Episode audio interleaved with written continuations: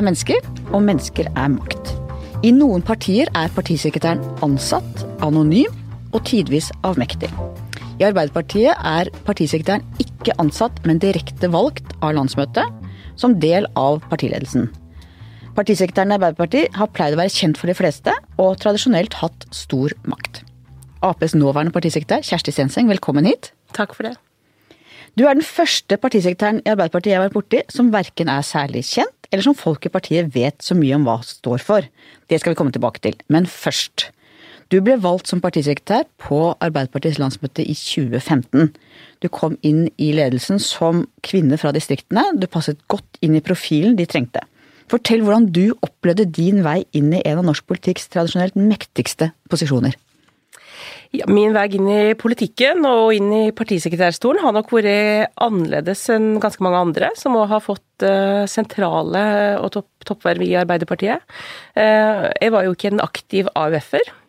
Var så vidt medlem i AUF når jeg var student, men det var ikke noe aktivt AUF-lag når jeg gikk på videregående på Vinstra. Ehm, men jeg har jo vært en del av Arbeiderpartiet hele livet mitt, og vokste opp i en eh, veldig sånn tradisjonell Arbeiderpartibygd i Kvam i Gudbrandsdalen. Og levd med politikken hele livet gjennom en far som var ordfører fra jeg var sju-åtte år og til jeg var langt opp i 30-åra. Eh, så har jo jeg jobba uh, utenfor politikken store deler av livet mitt. Og det var jo et bevisst valg. Hatt uh, veldig spennende oppgaver i, og som har gjort at jeg har trivdes veldig godt med å bo i, i Gudbrandsdalen, uh, med stort sett kultur. Men så gikk det nok en ganske tradisjonell vei når jeg først ble politisk aktiv, gjennom lokalpolitikken, gjennom kommunestyret, gjennom ulike lederverv i, lokalt og i fylkespartiet. Uh, og så, uh, 2015 ble jo jeg partisekretær. Da hadde jeg jo hatt uh, har sittet i sentralstyret noen år. Har hatt ulike lederverv i partiet vårt. Uh, og min vei inn til, til makta er jo da, som en del andre i dag, at uh, du sier ja til verv fordi du har lyst på makt, du har lyst til å være med å påvirke. Jeg tenker også at jeg hadde en bakgrunn som partiet vårt trengte. Var det drømmejobben? Partisekretærjobben? Uh, det er ikke like at jeg har gått og tenkt at når jeg blir stor skal jeg bli partisekretær, men um, jeg syns jo at partisekretærrolla er veldig interessant. Fordi uh, den er jo som du sier, du er verd. Du har et tillitsvotum fra landsmøtet. Uh, men det er en jobb som er ganske delt, godt delt mellom politikk og organisasjon. Var du overraska da du fikk den jobben? Altså, var, det en, var det overraskende for deg at du ble spurt? Eh, jeg tror både ja og nei. Eh, for det er jo slik at eh, når du skal ha så Det ble jo kjent at Raimond skulle stille som byrådslederkandidat i Oslo. og Det var jo ikke så unaturlig at han sa nei etter seks år i partisekretærstolen. Så lette jo partiet vårt ganske bredt for å finne et, en ny ledelse. Meldte du det? Nei, det var ikke slik at jeg rakk opp hånda og sa jeg skal bli partisekretær. Men men uh, når det begynte å spekuleres i det kom navn på bordet, ulike navn på bordet, så tenkte jo jeg jo at det er en jobb som jeg både kan ha lyst på, og som jeg tror at jeg skal, kan være riktig dame uh, til å løse. Så, uh, så, det modnes jo litt etter kort i de prosessene du har rundt valgkomité, og, og fylkene begynner å spille inn sine navn. Du tok Men, over jobben da dere lå rundt 40 ja. på meningsmålingene. Mm. Og så tapte dere stortingsvalget nå så det sang, og nå ligger dere på enkelte målinger og dupper rundt 20% I Arbeiderpartiet er det en skikkelig krise. Hvordan kunne det gå så gærent? Det er jo det også har brukt mye tid på nå etter valget, på å evaluere. Hvordan kunne det gå så dårlig som det gjorde? Eh, et parti som jeg sjøl har sagt må ligge over 30 jeg tror ikke det finnes et enkelt svar på det. Men uh, i etterpåklokskapen og den sjølransakelsen vi har gjort etter valget, så ser vi jo det at Arbeiderpartiet var jo ikke det partiet uh, gjennom det valget her og i tida før valget som ga de svara som uh, skapte entusiasme og engasjement blant velgere. Heller ikke blant grunnfjellet vårt. LO sine medlemmer, kjernevelgerne våre, som jeg tror mange av dem har stemt Arbeiderpartiet i mange år, var ganske sikre Eh, i tida før valget at eh, Arbeiderpartiet er nok vårt parti denne gangen her òg. Eh, og så opplevde et ganske dramatisk fall ganske tett inn til september. Det var en stemning og en nerve som andre parti svarte på enn Arbeiderpartiet. Ikke minst den økningen hun så i Senterpartiet. Det var en Jeg tror hvis du tenker akkurat Senterpartiet, de klarte å målbære den misnøyen som var mot regjeringa, på en måte som folk trodde på. De klarte å skape en optimisme som vi ikke klarte. Og hvordan ser du din egen rolle i dette? Jeg ser min rolle så at jeg har et stort ansvar. Partisekretær har et stort ansvar. Både for eh, valgkamp og for eh, strategisk arbeid. Og, altså det er jo det som det er det vi jobber for hver eneste dag. Klare å få makt til å gjennomføre politikken vår. Uh, og vi har et felles ansvar både i partiledelse, sentralstyre og i de organene våre som, som vedtar vår strategi. Eh, så jeg har et stort ansvar for det, og det er jo derfor jeg har sagt at det er mitt ansvar nå å bidra til å løfte Arbeiderpartiet. Få oss opp igjen på det nivået som man Arbeiderpartiet bør være på. Ser du det som et personlig nederlag at det gikk så dårlig? Ditt første stortingsvalg som partisekretær? Det er et nederlag å tape valg, og, og, jeg tenker jo selvfølgelig hva burde oss gjort annerledes, hvordan skal vi forbedre oss, men jeg bruker ikke mye tid å dvele på det som et personlig nederlag. Det er et nederlag for Arbeiderpartiet, først og fremst fordi at uh, oss hadde ganske store ambisjoner for gjøre med makta. Hvorfor det var viktig at Arbeiderpartiet kom i regjering. Men først og fremst så tenker jeg at det nå er det vårt felles ansvar å å klare å løfte oss. Og så tror ikke jeg det, det er mange som, eh, som, har lyst til å peke på enkeltpersoner og si at eh, den og den må gå etter et dårlig valg. Men jeg tror ikke det er riktig. Jeg tror at det er riktig at vi tar noe ansvar for å bidra til å løfte oss eh, fram mot neste landsmøte og neste valg. Og hvor mye handlet valgnederlaget om ytre forhold, og hvor mye handlet om forhold innad i Arbeiderpartiet? Jeg tror valgnederlaget først og fremst handla om de politiske svara som folk eh, savna. Tydeligheten fra Arbeiderpartiet om hvor hun sto hen. Eh, at vi var et parti godt planta på venstresida i norsk politikk. En del, hvis du ser på LO sine medlemmer, og et ganske dramatisk fall i innspurten til valget. Eh, er Arbeiderpartiet det partiet som gir svar på våre utfordringer? Er de tydelige nok i arbeidslivspolitikken? Så jeg tror at det var politikken det handla om. Så jeg har sett ganske mange vanskelige ting som handler om interne forhold etter valget. Eh, det kommer ofte òg i kjølvannet av et eh, dårlig valgnederlag. Det er mye vanskeligere å, å, tape som et eh, fellesskap enn å vinne. Men, men valget handler først og fremst om politikk, tror jeg. Håkon Lie sa alltid at Ap måtte ha en stor sak å gå til valg på. Hva var Arbeiderpartiets store sak denne gangen? Nei, det har jo vært mye diskusjon om det mangla oss det store prosjektet, den store reformen. Jeg tror nok at når vi vedtok partiprogrammet vårt i april, så var det jo stor enighet om at dette er virkelig et sosialdemokratisk politisk program. Der arbeid til alle har hovedfokuset. Der de store reformene på kompetanse, få ungdom inn i arbeidslivet, eh, kunnskapsdimensjonen i programmet vårt som er så sterk. Eh, det var det jo veldig stor oppslutning rundt, stor enighet om det klarte vi ikke å målbære gjennom valgkampen. Så handler det om kommunikasjon, da? Nei, det handler om begge deler. Men det handler jo om altså, Veldig mange har jo sagt etterpå ja, og så usikre på hvor Arbeiderpartiet sto hen i arbeidslivspolitikken, i kunnskap. Hva vil dere gjøre med at så veldig mange unge ikke klarer å fullføre uh, utdanningsløpet sitt? Som jeg mener kanskje er den viktigste uh, politiske saken og utfordringa vår framover. Uh, så hadde vi politiske svar på det, men det hjelper jo veldig lite når vi sitter rundt bordet og er sjøltilfredse på at dette er løsningen, når våre velgere ikke høre det. Så er det kommunikasjon, eller er det selve politikken? Nei, jeg tror at det er en kombinasjon av det. Eh, for jeg mener at veldig mange av de politiske svarene har Arbeiderpartiet, og så har det i vårt vedtatte program. Ja, det må jo du mene. Ja, ja men jeg mener det, men det, men det står jo svart på hvitt òg. Eh, men, eh, men vi har jo ikke vært flinke nok til å tydeliggjøre prosjektet vårt, målbære det. Og så handler det om at vi må være mer offensive i politikkutviklinga. Vi må tørre oss å si at jo, den store reformen i Norge nå er kompetansereformen, som hos si mye klokt om i vårt program, men vi framhever ikke det som et viktig, stort prosjekt. Hvordan vil vi gjennomføre det? Hvordan betyr det i praksis at ungdom fullfører videregående utdanning, at vi får folk inn i jobb, at du klarer å henge med i uh, digitaliseringa og den store endringa av arbeidslivet nå som gjør folk utrygge? Er det, det dette, som er, er det dette som er den store Ap-saken nå, tenker du? Nei, det er en av de store sakene, og det er en av de store utfordringene til Norge. Men du hørte ikke den tydelige Ap-stemma gjennom valgkampen som sa det. Uh, og det er kun vårt ansvar. At vi ikke klarte å målbære det som var våre viktige prosjekter, men det var òg kanskje ikke tydelig nok at ja, det er de tre tingene vi trenger å løfte framover. Det er en kombinasjon, tror jeg. Hvordan vil du definere kjernen i Aps politikk utover honnørordene? Da øh, vil jeg gå tilbake til øh, Hadde jo en interessant diskusjon i går. Jeg var på årsmøtet i Oslo Arbeidersamfunn. Skal Arbeiderpartiet nå diskutere ideologi og verdier, eller skal oss diskutere praktisk politikk?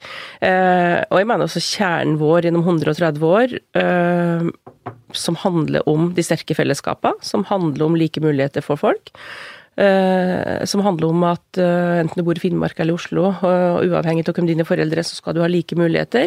Det er et like ambisiøst og stort prosjekt i dag som det var for 130 år siden. Og det er, mener jeg, kjernen i Arbeiderpartiet sin politikk, og som gjør at vi er et bredt folkeparti, en brei folkebevegelse. Nettopp det at vi har fellesskapsprosjektet som det viktigste. Hvis du ser bort fra formuesskatt og nå skattepolitikken. Hvor er det dere skiller dere fra Høyre på det? Høyre kunne også sagt det. Like muligheter for alle. Alle skal ha mulighet til å realisere seg selv. Ja, de kunne sagt det, men de viser det ikke gjennom praktisk politikk. Eh, og Det er uh, forskjellen på høyresida i norsk politikk og venstresida i norsk politikk. Ja, konkret, Konkretiser det. Ja, det kan jeg helt uh, konkretisere. Det handler om diskusjon om skattepolitikk. En progressiv skattepolitikk som tar hensyn til at du skal yte etter evne. Det har vi sett gjennom de åra Høyre og Fremskrittspartiet har sittet i regjering nå, at det går en annen retning enn det. Gjennom diskusjon om offentlig-privat skal alle ha like muligheter til offentlige helsetjenester. Der har vi også sett en annen retning gjennom regjering med Høyre og Fremskrittspartiet. Er du enig med de som sier sier at du, er du enig med de som sier at du ikke skal ha noe velferdsprofitt? At man ikke skal kunne tjene penger på privat velferd? Nei, eh, det var jo en stor diskusjon i valgkampen, og hovedutfordringen vår der er at også bruker jo fem-seks setninger på å gi det svaret, der andre partier klarte å mobilisere rundt og si nei, forbud. Eh, og jeg tror ikke at eh, Nå driver vi jo og gjør et arbeid på akkurat det, hvordan vi skal ramme inn lovverket for å gjøre det vanskeligere å ta ut stor profitt, fordi velferd skal ikke tas ut i profitt, det skal gå til gode velferdstjenester. Men jeg tror ikke at vi skal forby det helt, og jeg tror heller ikke at vi klarer det. Men eh, jeg tror at veien å gå der er å stille så strenge krav til kvalitet, til arbeids, eh, lønns- og arbeidsvilkår, til bemanning, barnehage, eldreomsorgen, at profitt ikke blir altså Det er ikke der du skal tjene de store pengene. Men hvorfor er det verre å tjene gode penger på å drive barnehage enn på å bygge et offentlig kulturhus? Hvis man oppfyller byggestandarder eh, slash pedagogiske krav, hvis man oppfyller kravene og foreldre er veldig fornøyd. Hva er den prinsipielle forskjellen på å bygge et kulturbygg og tjene penger på det, og drive barnehage og tjene penger på det? Nei, altså når du, Å bygge ut kulturbygg handler jo òg først om å bruke offentlige penger på å gi et godt tilbud til alle. Det er mange som tjener gode penger på å være i entreprenørbransjen. Ja, absolutt. Uh, og det, altså, den prinsipielle forskjellen, da, det som jeg er opptatt av, er jo at når staten og det offentlige bruker fellesskapets penger på velferd, så skal ikke sitte, skal ikke noen få sitte igjen med stor profitt på det. Det skal gå til uh, å investere i barnehage, i skole, i flere lærere. Uh, det som gir tilbake til fellesskapet. Og det er ikke noe stor prinsipiell forskjell på det, men jeg mener at det er det enkelte ting vi ikke skal uh, bruke fellesskapets penger på profitt på. Det er de viktige velferdstjenestene. Men da betyr det at du ikke vil ha private inne i det hele tatt? For det er jo ingen som privat som går inn hvis ikke de kan tjene penger på det? Nei, men når du sier stor altså Det er forskjell på en uh, privat barnehage som er familiedrevet og som tar ut overskudd for å ikke minst investere tilbake i den bedriften da de driver, som er en barnehage, og store kommersielle selskaper som tar ut utbytte i 100 millionersklassen, og som òg spekulerer i det, det er en ganske stor forskjell på det. Der er jeg ganske pragmatisk i at jo, det skal være lov å tjene penger, eh, men hovedregelen må være at fellesskapets penger ikke skal brukes til eh, millionutbytter i profitt. Men der syns jeg at høyresida argumenterer ganske godt når de viser til undersøkelser som viser at foreldre med barn i private barnehager ofte er, veldig, ofte er mer fornøyd enn de med barn i offentlige barnehager. Det er jo som uh, Deng sa i Kina i sin tid, det samme hvilken farge det er på katta, barnet fanger mus. Ja, men det er jo ikke i tvil om at private barnehager kan gi et godt, og gi et godt kvalitativt tilbud til unger som går der. Uh, men det er jo ikke det samme som å si at vi ikke skal bruke fellesskapets penger på på profitt og på stort utbytte. Men, uh, men kvaliteten, i, ja, kvaliteten, i, private barnehager kan være både absolutt like god og bedre enn en offentlig barnehage. Hovedutfordringen vår er jo å kunne gi bygge ut så hos har barn. Nå bygges det jo i snitt en barnehage i måneden her i Oslo. Hovedutfordringen vår er jo å bruke penger på å gi alle et tilbud. Gi, ha barnehageplass til alle, så billige barnehageplasser som mulig. Det er det, det, er det som handler om uh, like muligheter. Ja, jeg bare tenker at Det viktige må jo være hva som kommer ut av resultater, og, uh, og hvis noen er flinke til å tjene penger på det og levere akkurat det samme tilbudet som noen gjør til de samme pengene offentlig, så må, er, blir det en slags moralisme det hvor mye profitt man tar. Det viktige må jo være at man leverer gode tjenester. Ja, det er jeg enig i. Det er viktig at du leverer gode tjenester, at du leverer kvalitet, og at fellesskapets penger primært brukes og da til alles beste. Og alles beste er ikke hvis noen få personer sitter og tar ut uh, utbytte i 100 millionersklassen. Har Høyre gått inn mot sentrum og tatt deres saker? Hva skal vi Tatt klærne deres mens dere var ute og bada? Um, Det er jo et paradoks at de fører en ganske sentrumsorientert politikk samtidig som de har Frp, som er eh, lengst ute til høyre i norsk politiske spekteret. Men de gjør jo faktisk det.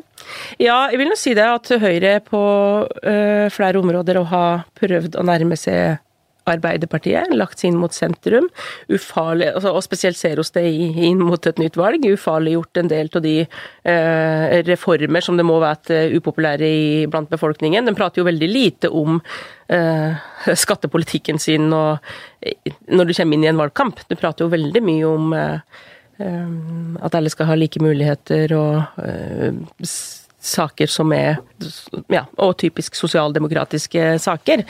Um, Så det er et paradoks at du sitter på ei regjering der du har eh, Fremskrittspartiet og et, eh, et Høyre som i veldig stor grad har prøvd å eh, ufarliggjøre sin retning, som vi helt klart har sett fra 2013 er en veldig tydelig høyreretning i og altså med Fremskrittspartiet i regjering. Og er Erna Solberg i ferd med å bli en ny landsmoder? Som det er vanskelig for dere å utfordre? Erna er en sterk statsminister, øh, og hun er jo en godt likt statsminister. Um, Og det er klart at statsministertaburetten er langt unna for Arbeiderpartiet akkurat nå. Det er lenge siden 2013, det er lenge siden Stoltenberg gikk av øh, som statsminister. Savner du han?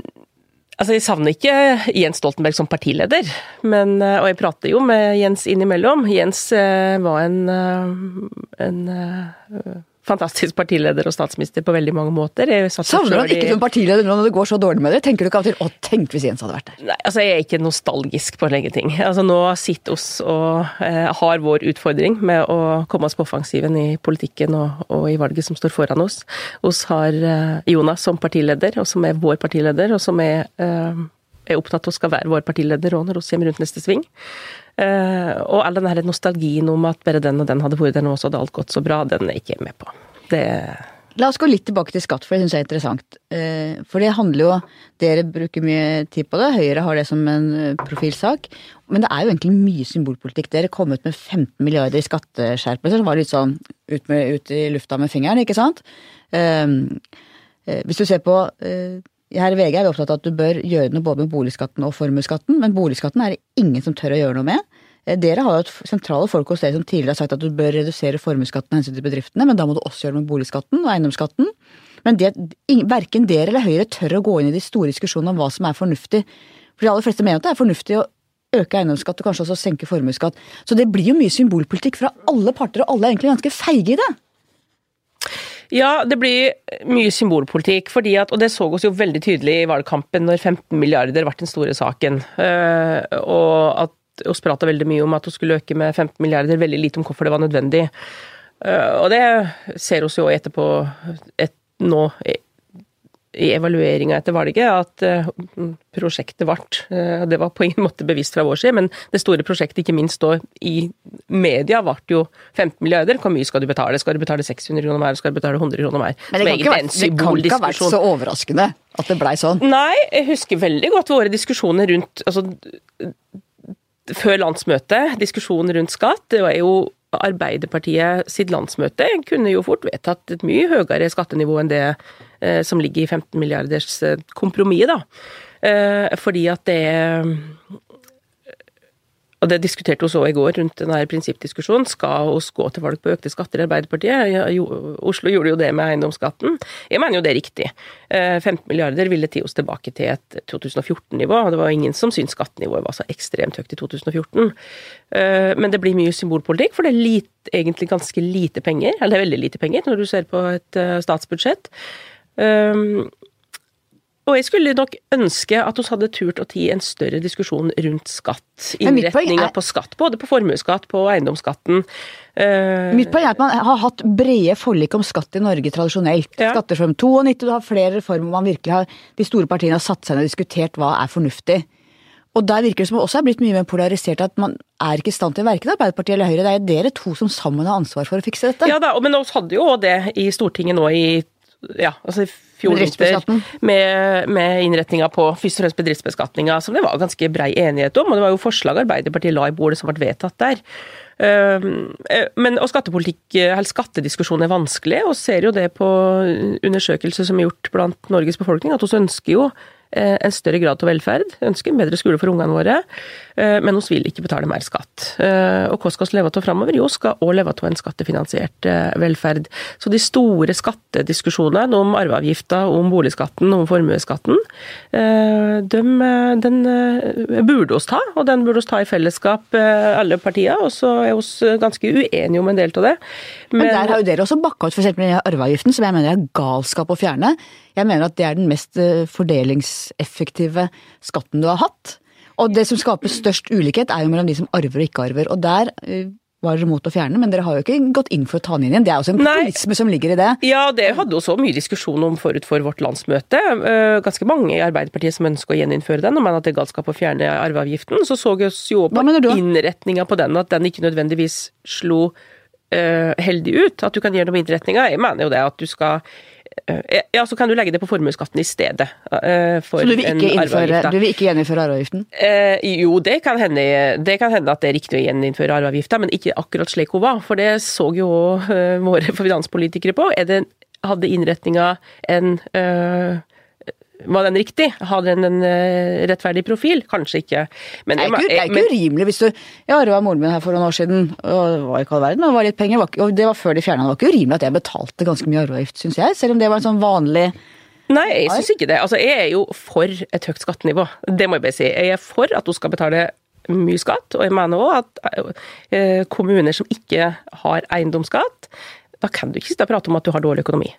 Eh, du må bruke de skatteinntektene fordi det, men det er rettferdig. Det er null problem hvis du har et stort hus og en stor hytte, og òg kunne bidra med å betale eiendomsskatt. Men å finne en mest mulig omfordelende effekt, det er jo det som er det er jo det som er viktig med skattepolitikken, at innretninga er så omfordelende som overhodet mulig. Men da kunne dere hatt Men, en prinsippavgjørelse om at dere ville innføre en form for arveavgift, det har dere ikke gjort? Ja, det kunne vi hatt, og det har vi ikke hatt. Det oss, eh, hadde vi ganske mye diskusjon om fram mot vårt landsmøte. Men, og de, i den 15 milliarders uh, vedtaket som vi gjorde, så var det nok òg et uh, Det er ganske mange i Arbeiderpartiet som ville komme til det landsmøtet og kanskje stemme for en 30 milliarder i stedet. Uh, så det blir, en, det blir jo en jeg husker godt en diskusjon. Hvis hun taper valget til høsten, er det skatt som er årsaken til det? Ja, mange sa det. Det vil nok det være. Så, jo, så ser vi jo det, at skatt er en av de viktigste årsakene som folk drar opp til hvorfor Arbeiderpartiet tapte valget. Men det kan ikke være slik at vi ikke kan gå til valg i framtida på å ikke eh, øke skatten. Ehm, det kommer vi til å gjøre. Innad i Høyre synes det å være harmoni. Slik er det ikke hos dere. Hvordan ser du de interne forholdene i Arbeiderpartiet akkurat nå? Nei, akkurat nå, etter eh, den stormen som vi har hatt, så, så, ser det ganske bra ut. Nå er det fokus på politikk. Det er godt arbeid i Stortinget. Dette var et skikkelig partisekretærsvar, altså. Ja, ja, men altså, det er et ærlig svar. Fordi at det har storma uh, veldig i partiet vårt uh, noen måneder. Det har ikke vært noe hyggelig å, å være i Arbeiderpartiet nå for veldig mange. Uh, det har vært ekstremt vanskelig tid. Men nå ser du ikke så veldig mange oppslag i avisa som handler om interne konflikter i Arbeiderpartiet, enten det om enkeltpersoner, eller det om posisjoner, eller det om eh, metoo, som har slitt oss ganske hardt. Eh, det handler om politikk, og det er jeg veldig glad for. Og det ser oss jo på målinger nå. En nedgang som har vært ganske dramatisk for oss fra 27,4 og ned mot 20-tallet, som har stoppa. Og så har vi sett nå på målinger, eh, sånn snittmålinger nå i februar at det er en svak framgang. Den er ganske svak, men det er tross alt en, en, en positiv uh, utvikling. Jeg tror at det som har skjedd i Arbeiderpartiet nå, kommer til å prege oss ganske lenge. Det er uh, partiet har fått veldig hard medfart. Eh, og det går ikke over. Eh, det har jeg sagt, og at det kommer vi til å måtte bruke en del tid på. Men akkurat i dag så tror jeg mange våkner opp og tenker at nå er det ålreit å være i Arbeiderpartiet. Det er ikke sikkert de gjorde det for eh, en måned siden. For det har gjennom vinteren kommet til syne en dyp konflikt mellom stortingsgruppa og partikontoret. Og det har jo ofte vært motsetningsforhold mellom Youngstorget og stortingsgruppa, eller når Arbeiderpartiet sittet i regjeringskontorene, mellom regjeringsarbeiderpartiet og Youngstorget. Men jeg kan ikke huske noe tidspunkt så lenge jeg har dekket norsk politikk, og det begynner å bli ganske mange år, der det har vært så betent som det har vært gjennom denne vinteren. Hvordan forklarer du det? Altså, jeg er jo ikke helt enig i premisset ditt, da, Hanne, fordi at uh, um, det bildet som er skapt av at det har vært sånn ekstrem dype konflikt mellom partikontor og stortingsgruppe, jeg tror det er ganske mange som ikke kjenner seg igjen i. Du mener at det er medieskapt? Nei, det mener jeg ikke. Men jeg mener at det, når du prater om en veldig dype konfliktlinjer, uh, så, så, er jeg uenig i det. Fordi at Eh, ansatte på partikontoret, ansatte på Stortinget jobber veldig godt i hop. Har gjort det gjennom valgkampen og gjort det gjennom høsten. Og er godt i gang nå med prosjektet fram mot eh, lokalvalget. Eh, så har vi hatt våre utfordringer med å finne god arbeidsform mellom partikontoret og stortingsgruppe. Det som du har sagt, det hadde vært tidligere òg. Men disse her intense personkonfliktene som blir drevet opp i media, det er jeg ikke enig i. Det ikke, jeg kjenner meg ikke igjen i den virkeligheten som beskrives om det. Du mener at det ikke har vært konflikt, eller? Jo, jeg sier at det har vært turbulent tid, og at noe av det har jo òg handla om eh, hvordan skal vi jobbe i vårt parti. Eh, og jeg har jo kommentert det i interne møter, også tid opp der det skal tas opp, i sentralstyremøter, i møter i partiledelsen. Men jeg kjenner meg ikke igjen i det bildet som det skrives om, har som enkelte uttales om, stort sett anonyme kilder, at eh, det er så opprivende personkonflikter. Og det har jeg litt sånn lave skuldre til, fordi at det jeg har vært opptatt av i denne eh, prosessen, her er å ivareta partiet. Eh, og hvordan oss som parti skal komme oss godt gjennom det. Og så har det vært enighet og uenighet om det. Men akkurat nå så tror jeg vi har kommet oss ganske godt gjennom den verste stormen. Og det er det som er min oppgave som partisekretær, å sørge for at oss i fellesskap kommer oss gjennom det på en best mulig måte. Så vil noen være uenig i måten det er gjort på, og slik er det jo alltid. I Ap har det ofte vært intern strid helt i toppen. Tenk Håkon Lie Einar Gerhardsen, Gro Harlem Brundtland og Reilf Steen, Jens Stoltenberg og Torbjørn Jagland. Er det dette som egentlig er den naturlige tilstanden i Arbeiderpartiet, i toppen? Ja, jeg tror at de fleste, både eh, partiledelser og sentralstyrer, har vært preget av uenighet. Det ligger jo i politikkens natur òg at det er uenighet eh, også innad i, et eh, stort parti som Arbeiderpartiet. Så jeg tror ikke det å se nå er så veldig spesielt, men jeg tror nok at den høsten vi har vært igjennom nå, du må nok tilbake til 2000 nå for å finne et, ja, såpass mye turbulens som det har vært nå. Men hvis du går ett år tilbake i tid, da, så lå vi på sånn rundt 35% 36% Og Vi hadde et landsmøte både i 15 og i 17 som var preget av samling. Så veldig mye av det som kommer nå, er ting som kommer i kjølvannet av et valg, Det er veldig mange vanskelige saker å bli lagt oppå hverandre. Eh, og det gjør meg litt optimistisk med tanke på at eh, jeg sier at vi kommer til å bruke litt tid på det, for det skaper konfliktlinjer i et parti når vi får så hard medfart som vi har gjort nå. Men likevel så tror jeg at vi ganske raskt kan komme oss tilbake på offensiven. Folk er lei konflikt, folk har lyst til å bruke tida si på politikk. Mange ordførere som skal gjenvelges og forhåpentligvis få makta i 19. Så det er et veldig sterkt fokus på samling. Og sa det jo både jeg og Jonas eh, Eh, etter det ekstraordinære landsstyremøtet i januar, og i forkant òg, at vi håper dette kan bli et stoppested for nå er det samling, nå må vi videre. Og det har vi også opplevd i, i februar som har gått etterpå. Hvordan vil du si at forholdene er internt i toppledelsen i dag? Er det et fortrolig rom? Altså Er dere i toppledelsen stoler på hverandre, støtter hverandre? Ja, og så ganske bevisste på det, Hadia og Jonas og jeg, at eh, nå er partiet i en vanskelig situasjon. Det er oss tre som har tilliten fra landsmøtet til å eh, ta det ansvaret i fellesskap. Og det tror jeg at jeg gjør i hvert fall det. Det tror jeg òg Hadia og Jonas gjør nå. Bestreber seg etter at oss i fellesskap må ta det ansvaret. Det er et stort ansvar. Da må vi være fortrolige. Vi må uh, diskutere åpent. Og vi har et ansvar for å gi partiet en retning nå fram mot landsmøtet i 19 og, og høsten 19. Så er oss ulike personer, øh, har ulike meninger, men jeg opplever det rommet som fortrolig og med takhøgde. Og det er jo nettopp det det skal være. Det er der vi skal ta og de diskusjonene som Eh, som skal gi partiet den retningen når vi er enige. Og da er vi ved håndteringen av metoo. Mm. Mange av kvinnene som sa fra i Arbeiderpartiet hadde ikke tillit til deg. De ba om at ikke du skulle delta i behandlingen av deres saker. Hva tenker du om det? Det spørsmålet har jeg fått ganske mange ganger òg. Det var øh, Og til det så må jeg si at Eh, jeg har behandla mange vanskelige saker. Jeg har gjort det før jeg ble partisekretær, og jeg har gjort det som partisekretær. Det er jo de færreste saker som kommer i avisa. Eh, det meste blir eh, behandla, og selvfølgelig fortrolig, og fikk noe oppmerksomhet. Det har vært helt trygt. Eh, å komme til partikontoret med vanskelige saker. Enten det har vært varsling om seksuell trakassering eller andre saker. Jeg er veldig trygg på det, at jeg håndterer slike saker med, største, med det største alvor, med den største varsomhet.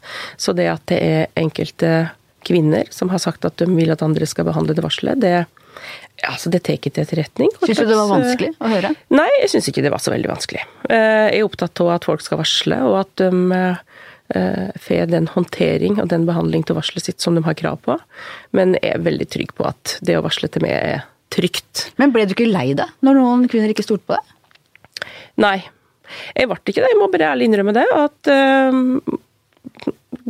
kan grunnen de hadde til det ønsket øh, om å gå til andre, det, det må de svare på sjøl, og det har jeg stor respekt for. Men jeg vet at øh, det å varsle til meg er veldig trygt.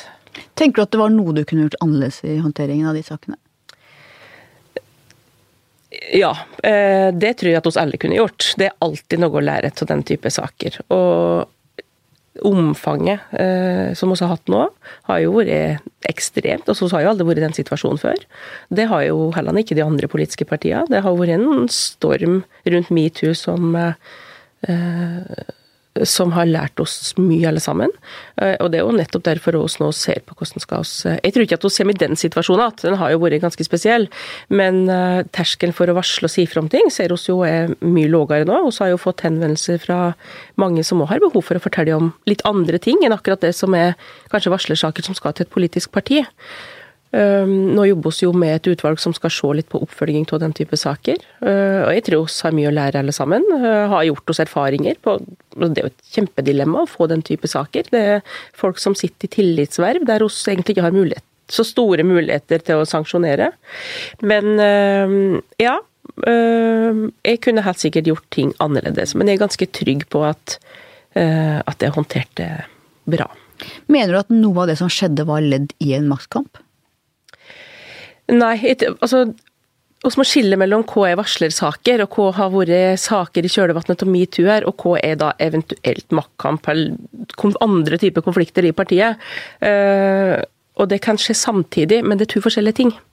Så det som har vært mitt fokus, er å se varslersaker helt isolert, som det det er. Et, en alvorlig påstand som kommer på vårt bord, som skal følges opp, som skal tas på det største alvor. Og hvis det da er um, andre ting som foregår samtidig, så skal det jo håndteres. Men mitt hovedfokus har vært å se på hver enkeltsak helt isolert sett. Hva er denne påstanden her? Ehm, hva slags behandling skal den få? Eh, og hvilke konsekvenser skal den få? Har denne saken skapt fronter i Arbeiderpartiet som ikke var der før? Uh, det er vanskelig å gi et entydig svar på det. Uh, fordi at jeg tror at det ville være naivt å si at det ikke er noen fronter i Arbeiderpartiet. Eh, jeg tror at det går, og det ser oss jo, at det går noen konfliktlinjer gjennom partiet vårt, som jeg tror det gjør i de fleste partier, som, som ikke handler om disse sakene her, men som handler om eh, mye frustrasjon etter et dårlig valg. Eh, et uttrykk for at Og det hører jo, jeg reiser jo veldig mye rundt i partiet vårt en frustrasjon rundt at ja, det er lang avstand i partiet vårt. Vi eh, føler ikke at vi blir sett nok, lytta til ute. Eh, alt foregår på Jungstorget og i stortingsgruppa, og alle de diskusjoner rundt konflikter nå har tatt fokuset vekk fra det som er viktig for oss. Så det er nok mer enn jeg tror nok det har drevet opp en, en sentrum-periferi-diskusjon nå i vårt parti. Eh, distrikt mot Oslo-makta. Når jeg har sagt det sjøl òg, at en sånn frustrasjon over Oslo-makta, så handler ikke det om Oslo, men det handler om det som har foregått i sentrale deler av partiet vårt. Um, men, jeg, er ganske optimistisk med tanke på at hun skal klare å være et samla parti framover. Uh, og et det opplevde jeg jo på landsstyret, opplevde når jeg reiser rundt. Nå skal jeg på mitt første fylkesårsmøte til helga. Eh, et veldig stort ønske om å, eh, om å samles og komme tilbake som en sterk kraft. Hvordan ser du Trond Giskes fremtid i partiet? Jeg tror det viktigste for Trond nå, det er, og det har jeg sagt til Trond nå, at det er å komme tilbake, han er jo tilbake i stortingsgruppa. Eh, Trond er en dyktig politiker. Eh, komme tilbake som, og vise at han er en dyktig politiker. Ta ansvar for det området han nå er satt i, den komiteen han er satt i. Delta i debatter. Bli med og bygge og styrke Arbeiderpartiet framover. Eh, og så er han stortingsrepresentant fra Trøndelag nå, og kan det posisjoner han eventuelt skal ha i partiet i framtida, det skal ikke jeg mene noe om. Og det er heller ikke min jobb uh, å, å mene om det. Men, uh, men, jeg håper at Trond vil bruke seg sjøl som den politiske kapasiteten er til det beste for Arbeiderpartiet. Kan han på noe tidspunkt bli en del av Arbeiderpartiets ledelse igjen, tror du? En gang i framtida? Det skal ikke spå noe om nå. Jeg tror, og det som Jonas har sagt, og, og det som eh, ja, ganske mange har sagt, og nå Trond har vært ute, vært på årsmøter, fått eh, ja, blitt varmt imot. Eh, han må nå utøve sitt politiske verv på en god måte. Det er jeg sikker på at han kommer til å gjøre. Eh, Trond har betydd mye for Arbeiderpartiet gjennom ei politisk karriere på 35 år, og jeg tror òg han har en eh, plass i det partiet i tida som kommer. Men eh, kan det type verv Trond kommer til å ha, om han kommer til å ha en plass i ledelsen, det, det skal ikke jeg spå om, rett og slett. Det får tida vise. Har han håndtert disse sakene underveis klokt? Det skal jeg være forsiktig med å uttale meg om. Hva varslere har gjort, dem det er varsla mot, hvordan de har opptrådt, det skal jeg ikke uttale meg om. fordi at Eh, det er ikke min oppgave. Det har vært ei veldig vanskelig tid. Det har vært ei vanskelig tid for alle dem som er berørt, enten det handler om varslere, det handler om familien til dem som har vært involvert. Jeg har sett det på nært hold. Og det syns jeg har vært noe av det vanskeligste. Eh, det å se at det er så mange som har hatt det vanskelig og vondt. Hva Trond kommer til å gjøre framover, og hva han har gjort, det jeg tror jeg Trond skal få svaret på sjøl. Det, det, skal ikke jeg mene noe om. Du kom, som du var inne på i stad, ganske seint inn i Arbeiderpartiet. Eh, du ble, først hadde kommet på Blindern som student, men du har vokst opp i en ganske solid Arbeiderpartifamilie.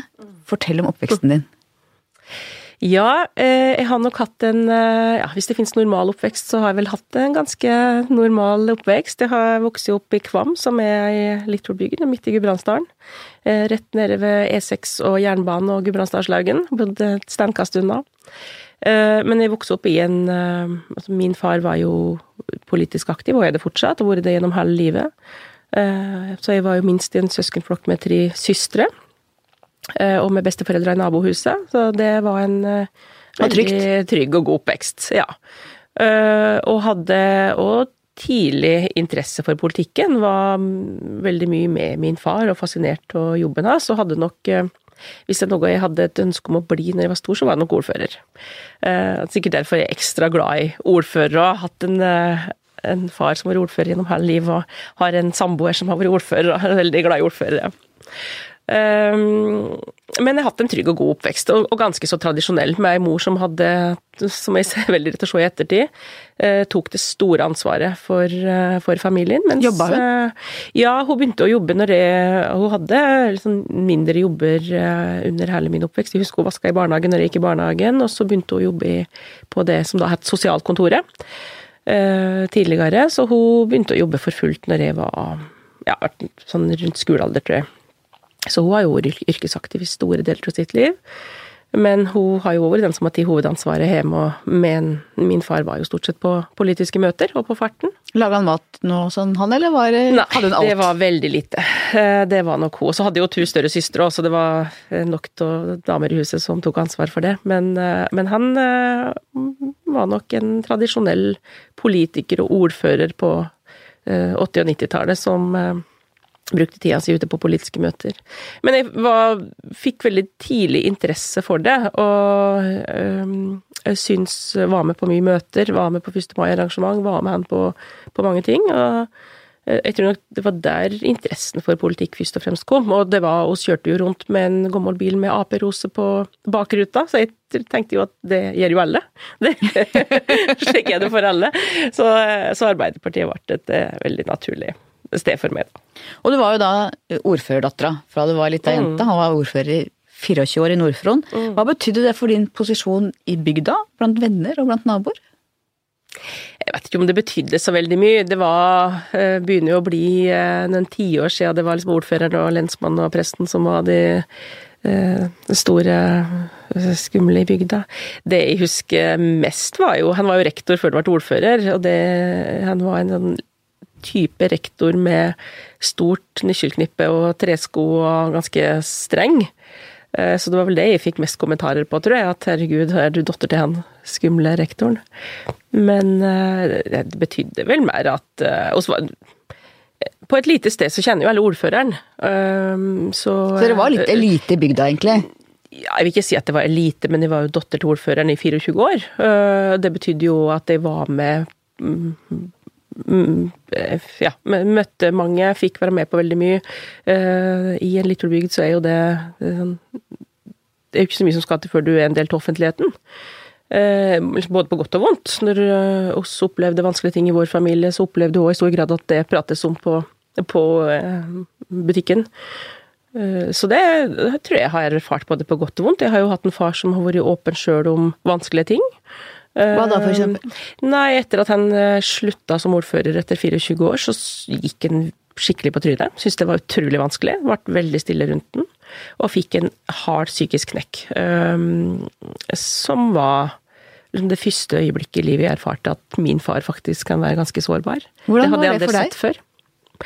Ble dere nærmere hverandre, eller? Ja, jeg vil si at vi har blitt mye nærmere hverandre på hans eldre dager.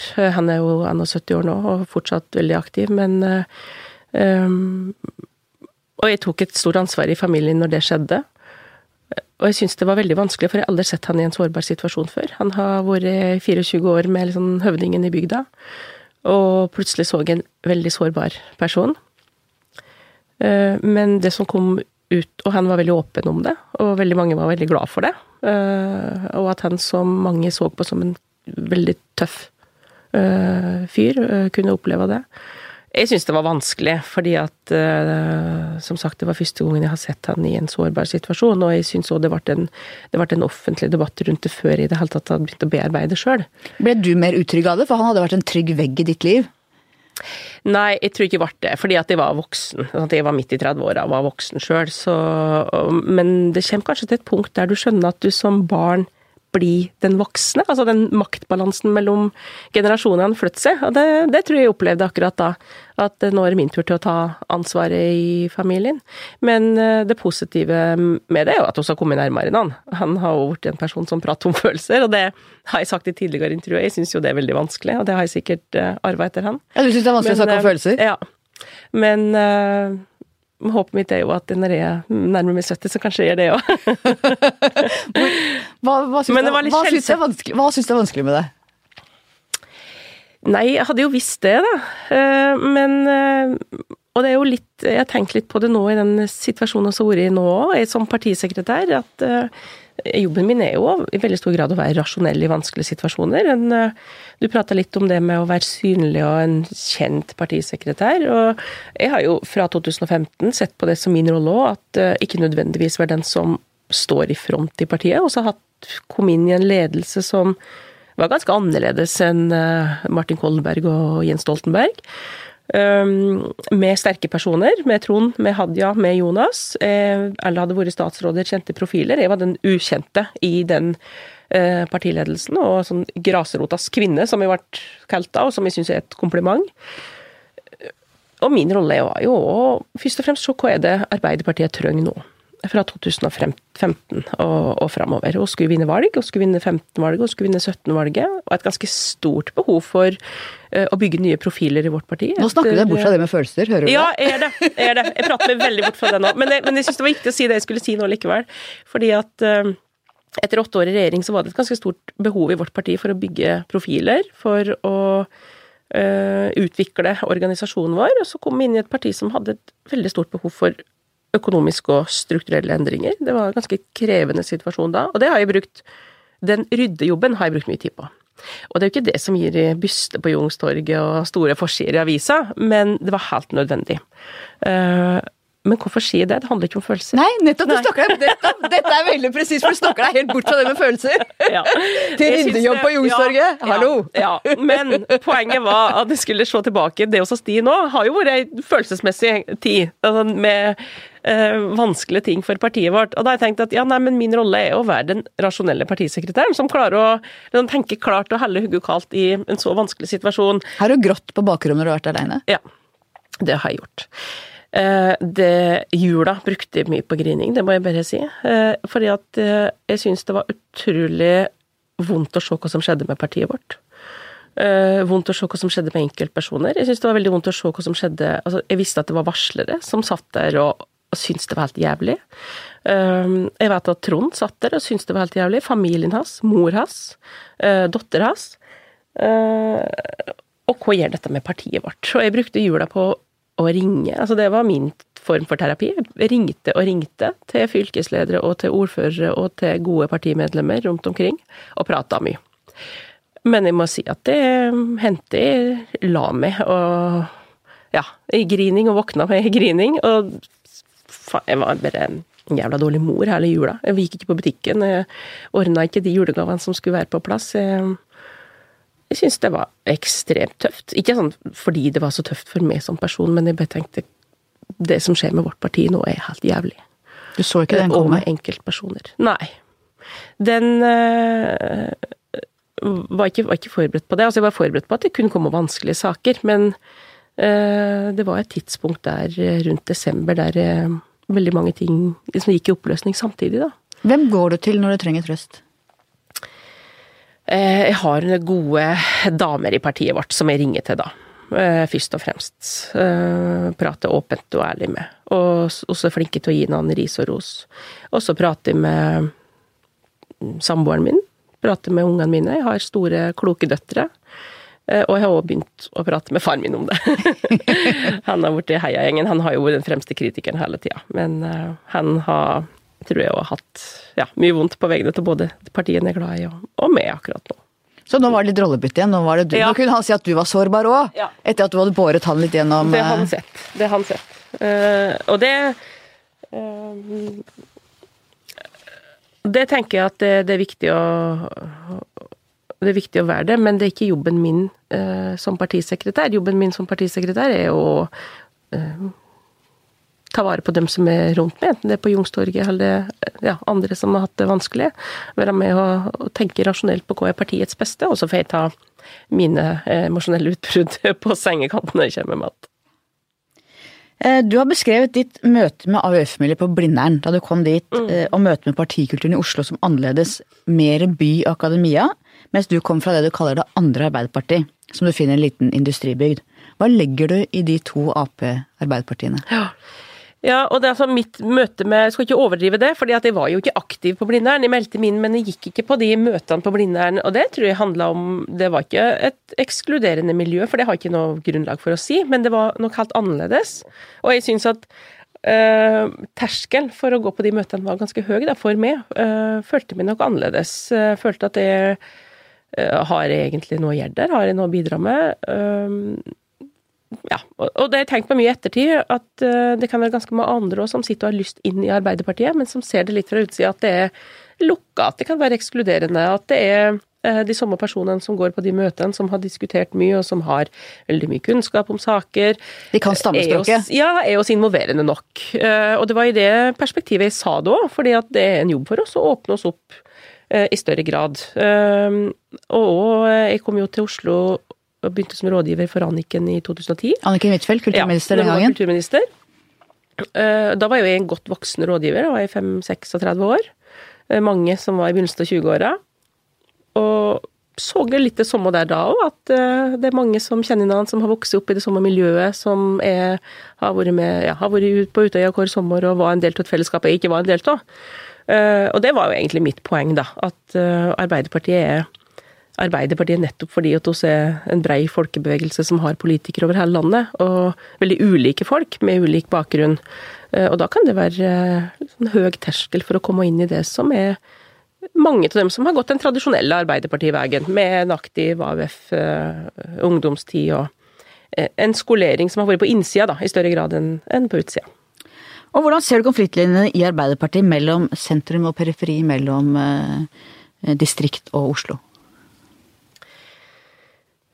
Det er en konfliktlinje som går tvers gjennom vårt parti, eh, i likhet med andre saker. Vi har sett det i asyldebatten i høst òg. Og det tenker jeg jo at altså, I utgangspunktet så er det ei styrke for oss. Fordi at når vi klarer å forene det, så speiler oss jo bredden i befolkningen. Når eller hvis?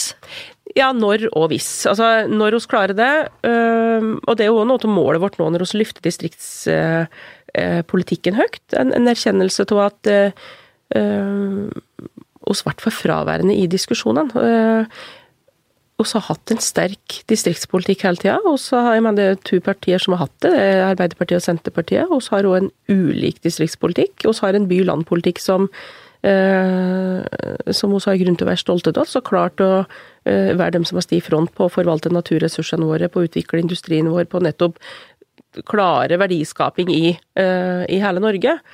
Um, og jeg tror at jeg tror ikke at det er en veldig tydelig konfliktlinje, men den kommer til uttrykk nå fordi den blir sausa i hop med en slags sånn avmakt til Oslo, avmakt til sentrum. Um, og mye i hop med regiondebattene som har vært, kommunereformdebattene, antisentraliseringsstemningen som sto ganske sterkt inn i valgkampen. Men i vårt parti så opplever jeg at uh, det er en ganske uh, det er jo en, oss, hadde, oss har sterke bastioner, og har hatt sterke bastioner som har mista mye oppslutning i nå. Nord-Norge, Trøndelag, Innlandet. Der distriktspolitikken er helt vesentlig. Eh, og dem, eh, så det er ikke en konfliktlinje først og fremst i vårt parti, men en erkjennelse av at hvis Arbeiderpartiet skal være et sterkt parti, og helst over 30, helst på 35% så trenger vi å vinne tilbake de bastionene. Og Du har sagt noe som at du ser din rolle som distriktens representant i ledelsen, og som medlemmenes fremste talerør. Hva legger du i det?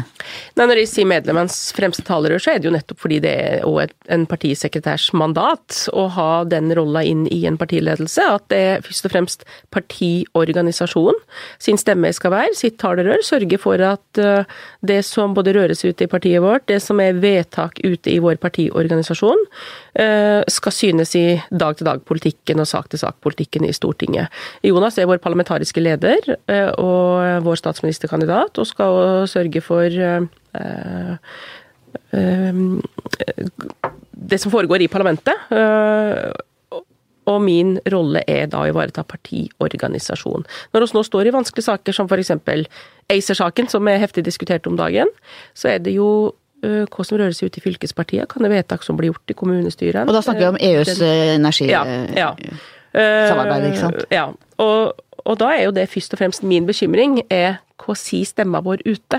Hvordan ivaretar oss det? Hvordan bringer oss det inn i debatten i Stortinget når vedtak skal gjøres? Det er det jeg mener med medlemmenes fremste talerør. Og det er rett og slett mitt mandat som partisekretær. Det offentlige ordskiftet har blitt mer polarisert på mange felter, og vi ser det særlig da i innvandrings- og integreringspolitikken, og her er det svært ulike syn innad i Arbeiderpartiet. Hva mm. tenker du om det? Nei, eh, speiler jo hele bredden der. Vi har en ganske solid uh, base midt i, som balanserer godt. Og så har vi ytterpunktene. Mange som er saklig uenig i vår politikk og vil ha en mer liberal asyl- og flyktningpolitikk. Så oss jo veldig tydelig i høst rundt oktoberbarn-debatten. Eh, og så har hun like stor del som ønsker en mer restriktiv asyl- og innvandringspolitikk. Jens Stoltenberg skriver jo i sin bok at sosialdemokratiet må ha en streng innvandringspolitikk for å opprettholde rollen som et sterkt og statsbærende parti. Mm. Er det en vurdering du deler? Jeg er opptatt av at hun skal ha en streng eh, asylpolitikk. Eh, og så, Du har jo sett noe Masud som skal lede arbeidet vårt, har jo blitt ganske er ganske hardt vær. fordi dine Hva ord bruker du egentlig? Er det en motsetning mellom når du sier streng og ikke human? Hva betyr det? Hva tenker du om det? Var, traff han? Altså, Masud sitt mandat nå er jo å skape debatt. Han skal lede dette utvalget som dere skal utvalg. Og det i integreringspolitikken. Det vi i partiet vårt nå, er jo først og fremst Selvfølgelig trenger vi å korrigere politikk, utvikle ny politikk. Det er jo hvordan skal vi nå forholde oss til de store spørsmåla rundt altså det europeiske samarbeidet for å, å ha en bærekraftig asyl- og innvandringspolitikk i Europa. Men det vi trenger, er jo å diskutere. Uh, Arbeiderpartiet kan ikke være i den situasjonen som vi var i nå, at når det oppstår enkeltsaker, sånn rundt oktoberbarna, når vi kommer til et landsmøte, så eskalerer konfliktnivået. Og det er fordi vi ikke diskuterer det nok til vanlig. I, i uh, valgkampen så uh, var så mye rundt på arbeidsplasser, diskuterte arbeid, helse, skole. Og veldig mange sa ja, men dere diskuterer ikke innvandring. Det er jo det vi er opptatt av. Det er jo det som er frykten vår. Hva skjer med den store innvandringa til Norge? Klarer oss å integrere folk? Selvfølgelig må vi stå i debatten. Det var ikke... veldig rart at dere var så tause om det, det må jeg si. Jeg syns det var kjemperart. Ja, og i etterpåklokskapen så ser vi jo at det var jo de saker folk sier det var det vi var opptatt av. Det var det vi ville ha svar på. Uh, og der er jo dilemmaet ditt og deres at det er en splitt mellom partiorganisasjonen og velgerne på mange måter i disse spørsmålene. Ja, altså jeg tror nok tillitsmannsapparatet i Arbeiderpartiet har en, er mer liberale i de spørsmålene enn mange av velgerne våre. Og det er derfor også det er viktig at vi nå klarer å få til debatter rundt det. Være saklig enige uenige, korrigere kurs, finne den balansen i asyl- og innvandringspolitikken som klarer å eh, ja, det, jeg tror det er helt nødvendig, da, hvis hun skal klare å favne så bredt som Arbeiderpartiet har som mål å favne. At hun klarer å få inn de ytterpunktene. Uh, og så trenger hun å stå for ikke få en mer polarisert debatt rundt asyl- og innvandringspolitikken i, i Norge. Og de såkalte oktoberbarna, hva tenker du om den saken? Jeg tror at jeg prata jo med veldig mange som ringte. Eh, mange sendte mailer, var sinte. Eh, mange var jo saklig uenige og mente at oktoberbarna hadde rett på en ny vurdering til sine saker. Er det barn, eller er det unge menn? Det er unge menn. Oktoberbarn er et ganske spesielt begrep å bruke av unge menn på 18-19 mm. år. Mm. Det jeg opplevde var flere ting i den debatten. En ting er jo at Eh, ganske mange, en del, da, ønsker å flytte politikken uh, til Arbeiderpartiet på det feltet, mer liberal politikk. En del hadde et stort hjerte for enkelte av de enslige mindreårige asylsøkere som de sjøl kjente, hadde et vergeansvar for, hadde et mottak i sitt nærmiljø. Uh, en del hadde et veldig stort behov for at Arbeiderpartiet markerte en mye tydeligere avstand til Høyre og Fremskrittspartiet. Vi har jo li på den samme linja som vi gjorde med Stoltenberg-regjeringa i de spørsmåla, i veldig stor grad. Men dere har jo fremstått mer vinglete. For det, det inntrykket har vært et annet. Når du snakker med folk ute òg, så opplever ja, de Arbeiderpartiet har... annerledes enn de gjorde under den rød-grønne regjeringa. Ja, og du opplever et parti annerledes i posisjon og i opposisjon. Det er lettere for oss øh, å stå på ei streng linje der folk har tillit til at Jens Stoltenberg, Knut Storberget som justisminister, gjør det på en skikkelig måte. Den tilliten har ikke våre medlemmer og våre velgere til Sylvi Listhaug. Derfor så er behovet mye større for at du viser gjennom politikk avstand til en politikk som det i utgangspunktet er ganske mm, brei enighet om. da, Vi har jo inngått et forlik sjøl. Og Har dere vært for opptatt av Sylvi Listhaug? Jeg har stående beskjed i vår kommentaravdeling når vi skriver om dette. Vi skal eh, se hva som sies, ikke hvem som sier det. Mm. Hvis Sylvi Listhaug sier noe fornuftig, skal hun ha ros for det. Hvis hun sier noe som er kritikkverdig, skal hun ha kritikk for det. Hvis vi begynner å orientere oss i forhold til hvem som sier noe, ikke hva som sies, så er vi ute å kjøre. Og min opplevelse av dere er at dere har vært altfor opptatt av hvem som sier noe. Hvis Sylvi Listhaug sier noe, så er dere mot uansett. Og det tror jeg har svekka tilliten deres hos mange. Ja. Ja, altså Jeg vet ikke om jeg er helt enig med det i det. Og så har jo, Når det har vært diskusjon rundt retorikken til Sylvi Listhaug, så har det jo nettopp vært fordi det har eh, vært en retorikk som en Arbeiderpartipolitiker kanskje ikke ville sagt, da. Men, eh, men eh, Dere har jo gitt henne det hun vil ta hver gang. Ja da, men, men mitt, min inngang til det, og det er jo nettopp der at du speiler en veldig stor bredde i Arbeiderpartiet, med noen som er fly forbanna over noe Sylvi Listhaug sier, mens andre sier at ja, nei, men det kunne jeg som Arbeiderpartipolitiker sagt. Uh, men liksom, hovedlinja i det er jo at Sylvi Listhaug sin retorikk har jo ikke først og fremst vært en raus, inkluderende retorikk. Det har det ikke vært. Eh, og det har vært hovedkritikken òg mot Sylvi Listhaug sin, eh, sin retorikk. Og som også har, har, vært et hovedanliggende for oss at ja, oss har et bredt forlik, oss inngikk det, men oss opplever ikke at det følges opp på den måten som det lå enighet om på bordet når forliket ble inngått. Men jeg er helt enig. altså Det vi må se på, er jo hva blir gjennomført politikk. Og hva blir egentlig sagt, uavhengig av hvem som sier det. Du skal få ris og ros, enten du er Sylvi Listhaug, eller du er Erna Solberg eller du er Jonas Gahr Støre, på det som blir sagt og gjort. Og jeg tror heller ikke vi er tjent med å henge oss opp i den retorikkdebatten. Nei, det er helt Folk enig. vil ha politiske løsninger, og veldig mange er urolige rundt eh, innvandring, asyl, integrering. Og den uroen må vi ta på alvor. Er du urolig for noe innen det feltet? Altså, jeg vil ikke si at det er urolig, men jeg ser det som en helt klart veldig stor utfordring for oss, at vi klarer å finne en balanse i innvandrings- og integreringspolitikken i åra som kommer. Det kommer til å, og Vi ser jo det allerede nå, at det er en veldig stor andel av dem som, har, øh, altså som, som innvandrere og asylsøkere til, til Norge, som ikke klarer å fullføre utdannelse, som ikke har den språkkunnskapen de trenger. Eh, og ser òg skillelinjer innom um, unger som begynner i barnehage, som ikke å Altså som, som ikke har de forutsetningene for å klare seg i Norge, som det uh, veldig våre unger har. Og vi har en del by. Oslo, hvor det har enkelte skoler hvor det er over 90 minoritetsspråklige. Ja. Andre skoler hvor det omtrent bare er eh, etnisk norske barn. Ja. Eh, det er jo Jeg er bekymra for det. Ja, og det tror jeg er jo en av de største utfordringene våre eh, framover, når vi prater om at vi skal bevare det sterke fellesskapssamfunnet vårt. Eh, likhet, så ser vi jo allerede at det er i ferd med å utvikle seg klasseskiller mellom enten du ser på da bydeler eller du ser på hvilken bakgrunn folk har.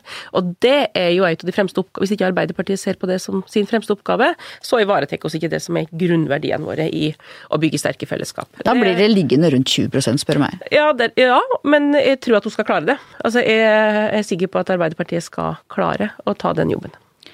Eh, Er det behov for en ny internasjonal orden rundt flyktning- og asylpolitikken? Ja, det er jo en av de tingene som vi skal se på i utvalget vårt nå. Hvordan skal vi altså, løse det internasjonale samarbeidet. Hva tenker du? Jeg tror i hvert fall at det er behov for at, at Norge tar et eh, ansvar i å finne eh, godt, gode europeiske eh, samarbeid for å eh, løse det. Hvis vi bare ser på Sverige og Danmark nå, så er det nå en helt annen situasjon enn det var for et par år siden. Eh, men ja, altså jeg har ikke noe, er ikke sikker på det. Jeg har ikke noe klart svar på det, men det er jo en av de øh, oppgavene vi skal gå inn i nå i utvalget vårt å se på den europeiske situasjonen, internasjonale samarbeidet. øh, hvordan klarer vi å både følge internasjonale konvensjoner og få en bærekraftig asyl- og innvandringspolitikk i de ulike europeiske landene i åra som kommer. Det er jo en av de diskusjonene vi skal ta nå. Hvis du ser på eh, nedgangen til sosialdemokratiske partier i hele Europa, tror du at det handler mye om innvandring og integrering? Jeg tror det er en av de viktige årsakene. Jeg tror det. Eh, Det at hun har fått altså Det som skiller Norge i stor grad fra veldig mange av de europeiske sosialdemokratiske partiene, tenker jeg det er tre ting. Det ene er jo den løsrivelsen fra fagbevegelsen, som veldig mange har altså Den retningen veldig mange har gått i. Det ser vi jo i Norden nå. Danmark, Finland. Um, det at du ikke har utvikla det som grasrotbevegelse. Det er mange europeiske sosialdemokrati som har gått vekk fra, eller som ikke har klart å bevare. Eh, Og så ser vi jo gjennom valg at det ytterfløyene som har økt i oppslutning. Det ser du ikke i Norge.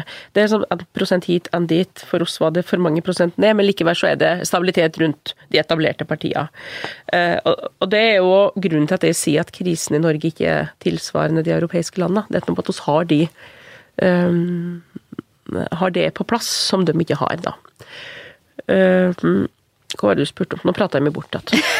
det går bra.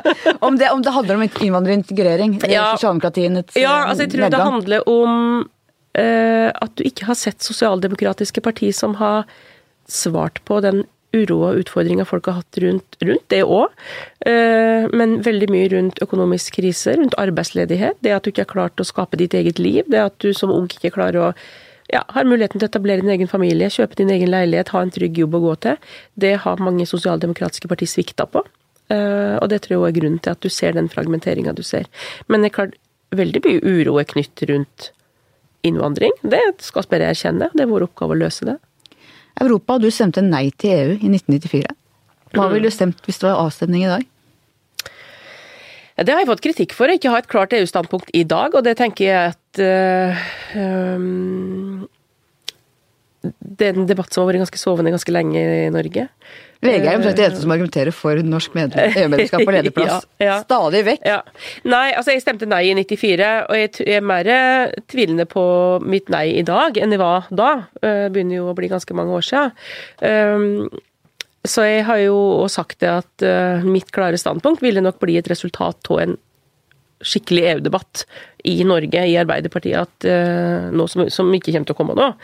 Men eh, altså jeg, har, jeg tror at et sterkt europeisk samarbeid er veldig nødvendig. Jeg er ihuga tilhenger selvfølgelig av EØS-avtalen. Uh, Ellers kunne du ikke hatt den jobben du har. Nei, det kunne jeg ikke. Uh, men er ikke, er ikke sikker på at et altså et EU-medlemskap for Norge er riktig vei å gå. Nå er det jo veldig mye som skjer rundt EU, med Storbritannia sin løsrivelse og øh, om EU er i stand til å være det sterke øh, både for å skape fred, for å løse integrerings- og innvandringsutfordringene, og som økonomisk samarbeid. Men det er bare positivt til et EU-medlemskap i dag enn det var for 20 år siden. Men Det er da noe. Ja, det ville du si. Mange vil si det motsatte. Ditt nei handlet den gang kanskje også om at du kommer fra Gudbrandsdalen, som jo ikke akkurat var europabevegelsens kjerneområde under EU-kampen i 94. Så la oss gå tilbake til hjembygda di. Nord-Fron var styrt av Arbeiderpartiet fra 1927 til, 19, til 2011, og har igjen fått ordføreren. Hva betyr det at et parti har makt i så mange år, blir en form for maktarroganse? I, hvert fall så var det når vi gikk inn i valgkampen i 2015, så så oss jo Da var vi jo mange ordførere. Eh, ikke minst der vi klarte å samarbeide med andre partier. Der vi har slitt, og det så oss jo i, i min hjemkommune òg. Og da tilbake til min far som satt der og var litt sånn høvding i 24 år. Og var jo, det var jo ikke underskogen som vokste mest da. Ja, det var det som er utfordringa ofte, at du sitter og er suveren og har rent flertall, og så ja, så tror jeg òg at oss i veldig mange kommuner har vært preget av maktarroganse. Var ikke opptatt av å søke samarbeid og allianser med andre. og det der er vi i en helt annen situasjon nå, også helt avhengig av det. Finne um, allianser med andre partier for å finne brede løsninger. Men er det det som også plager Arbeiderpartiet nå? At dere en form for maktarroganse, at dere altfor lenge har tatt posisjonen for gitt som det største, og statsbæren og ørnen blant fuglene og hønene og alt dette? Ja, Det er i hvert fall ikke gitt, og det har heller ikke vært gitt hvis vi ser på de 100 åra bak oss at Arbeiderpartiet skulle være så sterke. Det, sånn, det krever hard jobb hver eneste dag å vinne den tilliten. Uh, og det er vi er ikke den situasjonen nå at vi går til valg, enten det er kommunevalg eller stortingsvalg, med, med en ambisjon om rent flertall. Så det tror jeg at det å være et samarbeidsparti, det er jo noe som Arbeiderpartiet har måttet lært seg i større grad de senere tiåra enn det ja, hvis du ser på etterkrigstida og fram. Og det blir enda viktigere for oss framover. Vi skal være et tydelig parti godt plassert på venstresida. Vi har partier der som vi står nær, og som vi har god erfaring med å samarbeide med. Men, men jeg tror at skal vi lykkes som Arbeiderparti, men òg lykkes i Norge med å bevare den stabiliteten i det politiske landskapet, så må vi søke samarbeid i, i større grad enn det vi har gjort. Vi nærmer oss slutten. Jeg lurer på, Hva tenker du om religionens plass i det norske samfunnet?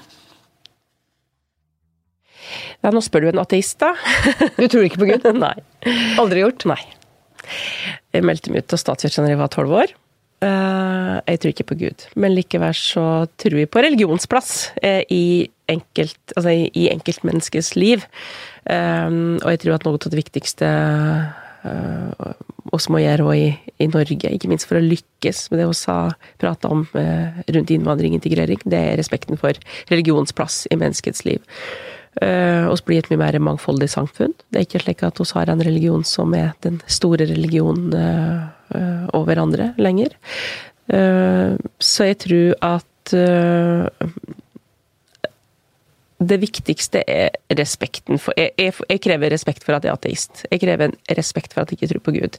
Men min respekt over religions plass i andres liv må være desto like stor. og det er jo noe som, det som er krevende i åra som står foran oss, det er jo nettopp å klare å uh, ivareta den toleransen og den rausheten overfor folk som tror på andre ting enn oss. Uh, men jeg er opptatt av at religion skal være noe som betyr noe for enkeltmennesket. Det skal ikke være førende for verken politikken eller samfunnsutviklinga. Til slutt, mitt faste spørsmål. Hva skal bli historien om deg? Kjersti Stenseng, det var hun som som sto støtt i stormen. Det syns jeg er et fint uh, ettermæle, hvis jeg kan få det. Ja, bra. Takk for at du kom. Jo, takk for at vi kom. Takk til deg som hørte på. Takk til researcher Grete Ruud og vår faste produsent Magne Antonsen. Vi høres igjen om en uke, eller kanskje to.